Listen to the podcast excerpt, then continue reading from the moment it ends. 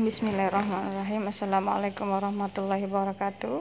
Alhamdulillahirrahmanirrahim Pada hari ini kita masih diberi kesehatan, keberkahan, hidayah dan inayah dari Allah Subhanahu wa taala. Sehingga hari ini kita bisa melaksanakan proses pembelajaran ya untuk mata kuliah pendekatan studi Islam. Uh, kita akan membahas bahwa uh, teks Al-Qur'an ini adalah menjadi pembebas. Uh, kita akan melihat dari uh, penguatan pendekatan sosial dalam studi Islam ya. Baik bahwa Al-Qur'an kita mengetahui bahwa Al-Qur'an ini yang diturunkan kepada Nabi Muhammad Wasallam ini merupakan sebuah inspirasi yang nanti akan membebaskan manusia dan juga uh, akan memberikan satu kesadaran sosial dan juga gerakan sosial. Ini tujuannya itu adalah dalam rangka untuk mensejahterakan manusia, untuk memberikan keadilan bagi manusia. Karena pada dasarnya kita mengetahui bersama bahwa roh Islam itu adalah bahwa Islam orientasinya adalah untuk uh, memperjuangkan sisi-sisi kemanusiaan juga uh, persaudaraan yang itu dilakukan secara universal serta kesejahteraan dan juga uh, tentu saja keadilan sosial. Uh, Nabi Muhammad SAW pertama kali diturunkan wahyu itu pada hakikatnya merupakan sebuah refleksi di mana Nabi ketika pertama kali datang ke Gua Hiro merefleksikan keadaan masyarakat uh, Mekah pada saat itu di mana masyarakat Mekah dalam hal ini orang-orang Quraisy sangat membenci terhadap Nabi Muhammad SAW dan Nabi kemudian uh, menyendiri untuk memikirkan keadaan-keadaan sosial. Sehingga pada waktu itu uh, Nabi merefleksikan dan melakukan satu pendekatan diri kepada Allah ataupun transendensi terhadap uh, realitas kehidupan masyarakat Arab yang pada saat itu adalah timpang.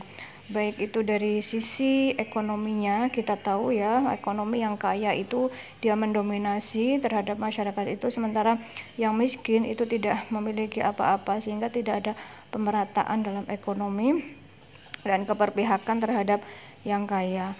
Tentu saja dalam hal uh, hubungan laki-laki dan perempuan laki-laki itu sangat mendominasi otoritas dan ke, uh, penentuan terhadap segala sesuatu itu ditentukan oleh laki-laki uh, sehingga otoritas sosial dan juga uh, politik itu semuanya didominasi oleh kelompok-kelompok yang memiliki kekuasaan atau yang dominan. Nah, Al-Qur'an pada saat itu yang diturunkan kepada Nabi Muhammad SAW ini sebenarnya isinya itu adalah berupa ajaran-ajaran yang di dalamnya untuk mempersiapkan dan juga untuk membuka realitas sosial dan juga merespon keadaan-keadaan sosial yang pada saat itu timpang, yang tidak adil, yang tidak uh, berorientasi pada kesejahteraan baik itu dari sisi ekonomi kemudian sisi politik yang juga dihadapi oleh masyarakat pada saat itu. Nah ini Al-Quran yang diturunkan kepada Nabi Muhammad SAW ini adalah menunjukkan adanya keinginan untuk melakukan transformasi sosial ya uh, tentu saja ini tidak lepas dari kemampuannya dalam membaca problem-problem sosial yang dihadapi masyarakat pada saat itu jadi Nabi Muhammad SAW diturunkan wahyu tidak hanya berupa teks aja tapi sebenarnya teks yang ada itu ini didasarkan pada respon terhadap problem-problem sosial yang dihadapi Nabi pada masyarakat saat itu. Dengan demikian, bahwa Al-Quran yang diwahyukan kepada Nabi Muhammad SAW ini lahir ataupun turun itu tidak hampa pada realitas sosial. dan juga problem-problem ekonomi serta politik yang dihadapi masyarakat pada saat itu sehingga Al-Quran itu turun kepada Nabi Muhammad SAW bukan uh, hampa sosial bukan hampa waktu akan tetapi adanya wahyu diturunkan ini karena dalam rangka untuk membaca problem-problem sosial yang dihadapi pada masyarakat saat itu. Maka dalam hal ini kita jelas harus memahami Al-Quran itu selalu berhadapan dengan konteks problem sosial yang sangat bervariasi masalahnya dan juga yang sekarang juga dihadapi oleh umat manusia. Nah, jelas bahwa Al-Quran ini teksnya sudah tertutup, artinya tidak akan mungkin lagi turun wahyu atau turun teks kepada Nabi Muhammad SAW. Jadi teks itu sudah selesai. Al-Quran itu terdiri dari uh, eh, 30 juz ya. Itu tidak akan ada tambahan lagi. 31 juz itu tidak seperti itu. Nah, ini sebagai hal yang sudah tertutup teksnya, akan tetapi pembacaan, pemaknaan terhadap Al-Qur'an ya yang kemudian orang itu menggali makna-maknanya ini jelas masih berlangsung yang tujuannya jelas dalam rangka untuk menghadapi persoalan-persoalan manusia. Yang persoalan manusia itu tidak akan pernah tertutup ya. Sehingga bahwa teks itu selalu digali, selalu dicari maknanya oleh manusia dalam rangka untuk menghadapi problem-problem kemanusiaan. Nah, misalkan Rifat Hasan. Rifat Hasan itu e, membangun ataupun memaknai hermeneutik Al-Quran feminis itu dengan menyusun tiga prinsip cara untuk menginterpretasi, cara untuk menggali makna-maknanya. Yang pertama, ketika akan menggali makna Al-Quran itu dengan cara hermeneutik, dengan melihat linguistic accuracy apa itu linguistic accuracy? Yaitu dia melihat terma atau term-term dengan merujuk pada semua leksikon klasik untuk memperoleh apa yang dimaksud dengan kata itu dalam kebudayaan di mana manusia dipergunakan. Jadi dia itu memaknai Al-Qur'an dengan cara melihat dari sisi kebahasaan. Ya, misalkan kata-kata Qul huwallahu ahad ya dengan melihat apa makna dari Qul huwallahu ahad.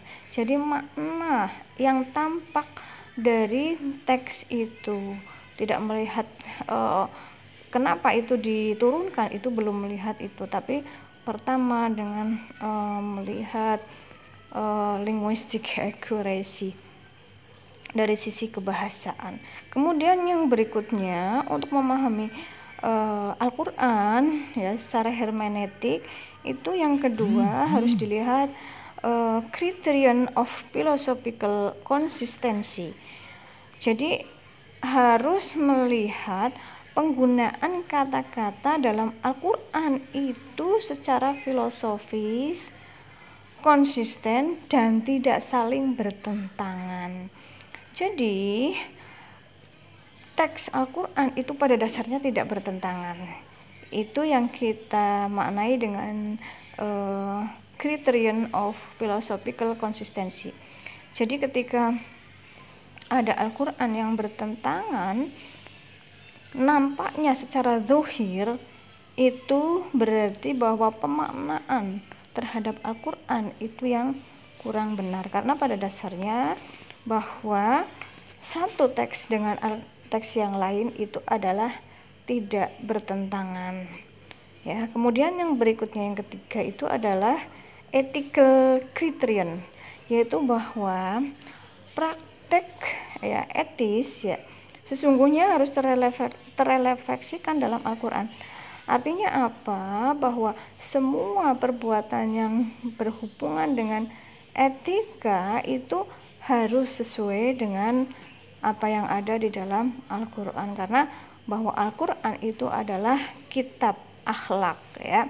Kemudian menurut Amin Al-Khuli ini dia membangun wilayah hermetika teks dari uh, thinkable itu menjadi thinkable. Artinya apa ya?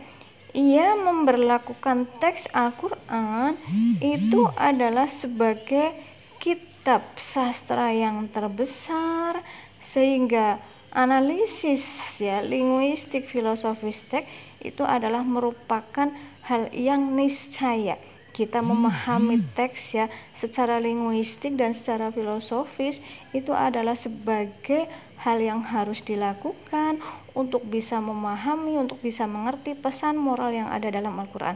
Karena pada dasarnya Al-Quran itu banyak sekali berisi tentang pesan moral. Jadi segala sesuatu yang tidak mungkin terpikirkan, unthinkable, itu menjadi bisa mungkin, menjadi bisa dipikirkan ya yaitu dengan cara-cara kita menganalisis linguistik filosofis teks ya ini agar supaya kita menangkap pesan-pesan moral yang ada di dalamnya. Jadi hermeneutika teks itu adalah merupakan hal yang hal yang mudah hal yang bisa dilakukan ya. Memaknai teks itu bisa dilakukan oleh manusia nah Kemudian mensinyalir dari pemikirannya Hasan Hanafi ya, dia meng, mm, dia itu mengintrodusir sebuah hermetika Al-Qur'an yang spesifik ya.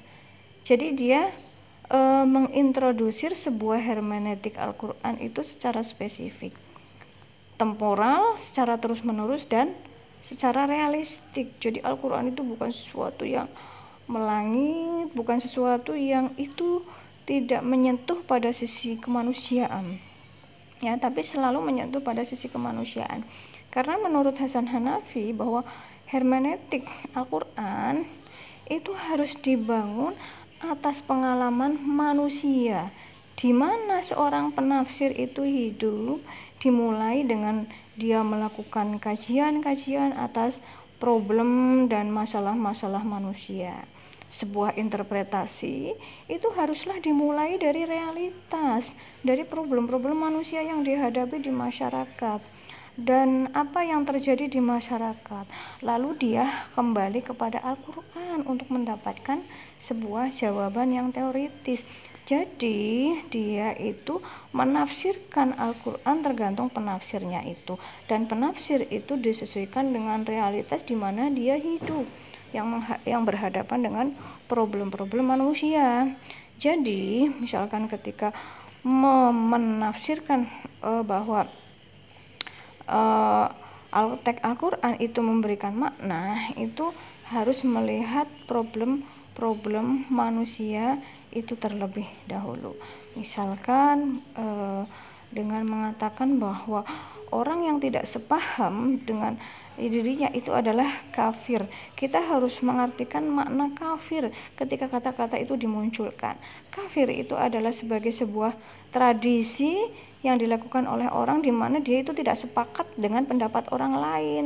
Dan orang lain itu dikatakan sebagai kafir bukan kafir dimaknai sebagai keluar dari Islam tidak melaksanakan ajaran Islam itu tidak. Secara substansi tidak seperti itu.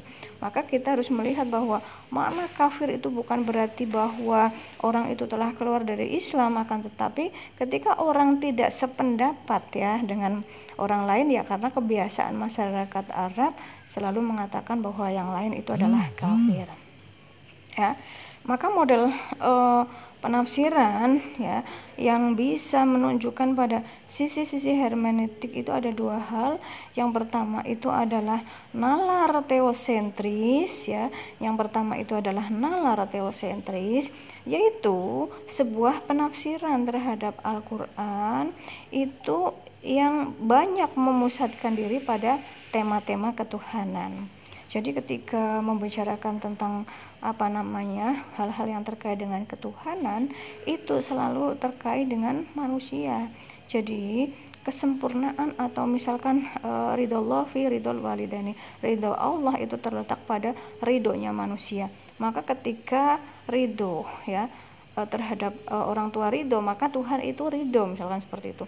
Jadi ketika itu akan memberikan keriduan terhadap manusia maka Allah pun juga ridho Kemudian yang berikutnya itu adalah nalar tafsir ideologis, yaitu sebuah pembacaan atas kitab-kitab suci yang itu berorientasi pada problem-problem manusia. Dan selalu di dalam Al-Quran itu ada dua nalar, nalar teosentris dan nalar ideologis. Akan tetapi bahwa keduanya bukan terputus. Misalkan ketika membicarakan nalar teosentris, ketika membicarakan Tuhan itu tidak kemudian dihadapkan pada Tuhan sebagai zat yang berdiri sendiri akan tetapi selalu dihubungkan dengan manusia. Untuk melihat kesempurnaan Tuhan, maka dia itu harus dihadapkan pada manusia atau pada makhluk-makhluk yang lain untuk bisa mendudukan Allah itu sebagai zat yang sempurna. Nah, itu seperti itu.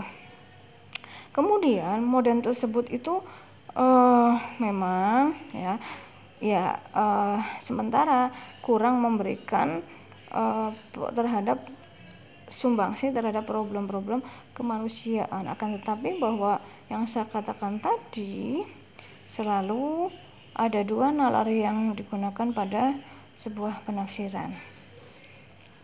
Nah manusia umat Islam itu jelas memiliki sebuah problem ya yang kita melihat dalam melihat teks Al-Quran itu tidak uh, hanya sekedar pada problem interpretasi ya.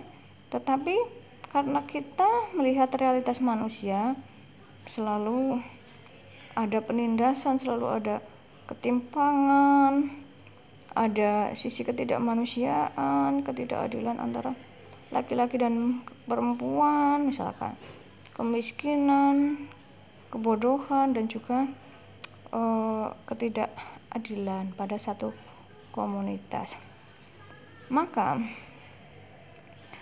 uh, Farid Esak itu mengatakan bahwa itu harus dipahami dari sisi hermeneutik Al-Quran ya teks Al-Quran harus dipahami dari sisi hermeneutiknya maka hermeneutik itu sebagai pembebas. Dia yang nanti akan ya tidak menyelesaikan ataupun juga membuat alternatif penyelesaian terhadap ketidakadilan. Dia akan bisa memberikan alternatif terhadap uh, kemiskinan dan juga kebodohan. Nah, itu. Maka memang terhadap teks yang berakibat pada kebodohan, ketidakadilan dan seterusnya itu dalam model penafsiran harus uh, berorientasi pada penafsiran emansipatoris atau penafsiran antroposentris. Apa yang disebut dengan penafsiran emansipatoris atau penafsiran antroposentris? Yang pertama ya bahwa perhatian terhadap realitas materi yaitu sebuah pemikiran yang selalu mempertanyakan terhadap ideologi hegemonik. Apa yang disebut dengan ideologi hegemonik yaitu yang biasa sebagai cita-cita manusia. Cita-cita manusia yang misalkan pengen kaya, kepengen punya jabatan, kepengen uh, punya kekuasaan ya. Ya, ini selalu mempertanyakan pada ideologi hegemonik ya yang orang itu selalu bertolak pada kehidupan yang real. Kehidupan yang tidak tidak empirik ya. Ideologi hegemoni ya kehidupan yang empirik. Orang misalkan dia itu nanti kaya kemudian meninggal ya masuk neraka misalkan selalu seperti itu. Kemudian yang kedua harus melihat dari visi struktur ayat-ayat itu di mana dalam ayat Al-Qur'an itu selalu ada relasi, ada hubungan. Ya. Baik itu realis, uh, relasi kekuasaan ya dalam dunia majikan buruh maupun relasi hegemon yang saya katakan tadi dalam hubungannya pemberi dan penerima antara ulama dan umat maupun relasi politik. Harus dipahami seperti itu. Ada yang tinggi dan ada yang rendah, ada selalu ada relasi. Ya. Ada relasi antara pemberi dan menerima, antara ulama dan umat itu ada relasi bukan sesuatu yang berdiri sendiri. Itu adalah visi dari penafsiran emansipatoris ya ini penafsiran emansipatoris ini bukan lagi uh, orang itu harus membela Tuhan. Maksudnya Tuhan itu harus maha kuasa harus maha tinggi maha besar. Lantas setelah maha tinggi maha besar maha kuasa itu mau apa? Maka dalam penafsiran emansipatoris ini tidak lagi terpaku pada pembelaan terhadap Tuhan karena memang Tuhan itu tidak perlu untuk dibela. Dia itu oh, zat yang sempurna yang maha tinggi yang dia punya kekuasaan tapi lebih utama itu adalah bagaimana secara praksis itu membangun komitmen terhadap problem-problem kemanusiaan. Oleh karena itu tafsir terhadap ini tafsir emansipatoris ini ini selalu berfokus pada kehidupan yang elan vitalnya itu adalah gerakan sosial yang orientasinya itu menyelesaikan problem-problem sosial kemanusiaan sehingga secara integral tafsir emansipatoris ini tidak terhenti pada pembongkaran teks. Teks itu tapi lebih kepada sebagai sarana uh, pembebasan. Jadi di samping membongkar teks artinya bukan merubah-rubah ya teks yang sudah ada dalam Al-Quran. Akan tetapi setiap makna yang tadi saya katakan didekati dengan linguistik dengan filosofis agar supaya bisa menjadi sarana pembebasan. Nah sehingga tafsir itu seharusnya itu tidak lagi dingkungkung dalam hanya berbicara teks aja berbicara ama arti-arti itu bukan makna ya. Arti itu apa yang ada secara linguistik dalam teks itu. Tapi mestinya itu harus dipadukan dengan ilmu ya. Misalkan tentang problem kemiskinan itu harus diselesaikan kemudian juga sebuah penafsiran itu tidak lagi berkaitan dengan sosiokultural kearaban. Pokoknya semua harus Arab pakai peci pakai baju dan seterusnya. Itu seperti orang Arab pakai kerudung itu seperti orang Arab. Itu tidak seperti itu. Dengan melihat teks itu yang kemudian praktis langsung dikaitkan dengan problem-problem kemanusiaan yang dihadapi oleh manusia. Maka yang harus dilakukan itu adalah mengubah pandangan normatif atas teks kitab suci itu menjadi rumusan teoritis. Teks itu ya harus dirubah. Maksudnya mengubah pandangan normatif itu hanya melihat dari teks itu tapi harus melihat dari sisi oh, si filosofisnya bahwa Al-Quran itu selalu ada relasi dengan teks yang lain melihat uh, sosiokultural uh, uh, diturunkan diturunkan Al-Quran itu ya. Maka langkah satu itu adalah bersifat eksegesis ya. Jadi mengeluarkan wacana dari uh, Al-Quran ya uh, dan kemudian memasukkan memasukkan wacana yesing ya ke dalam Al-Quran atau reading into mengeluarkan wacana dari Al-Quran. Jadi melihat uh, teks Al-Quran itu ya harus dikeluarkan maknanya ya yang kemudian uh, memasukkan wacana-wacana sosial. Misal soal kemiskinan kebodohan rasisme gender itu diungkap dari dalam teks Al-Quran kitab suci. Kemudian secara teoritik konseptual problem-problem tersebut direfleksikan secara kritis dengan menggunakan analisis ilmu-ilmu sosial. Sehingga uh, proses penafsiran itu adalah tidak lagi dari teks dari melihat bunyi Al-Quran itu atau yang disebut dengan top down tapi harus berangkat dari refleksi stek ke praktis atau kontek ya. Kontek itu adalah terhadap problem-problem kemanusiaan. Akan tetapi ya um, harus harus dari harus dari dari bawah dulu harus dari konteks sosial dulu. Melihat dari sisi konteks sosial ketika melihat terjadi masyarakat yang banyak sekali melakukan kejahatan ya. Ya itu adalah realitas sosial. Kemudian dicari teksnya itu seperti itu.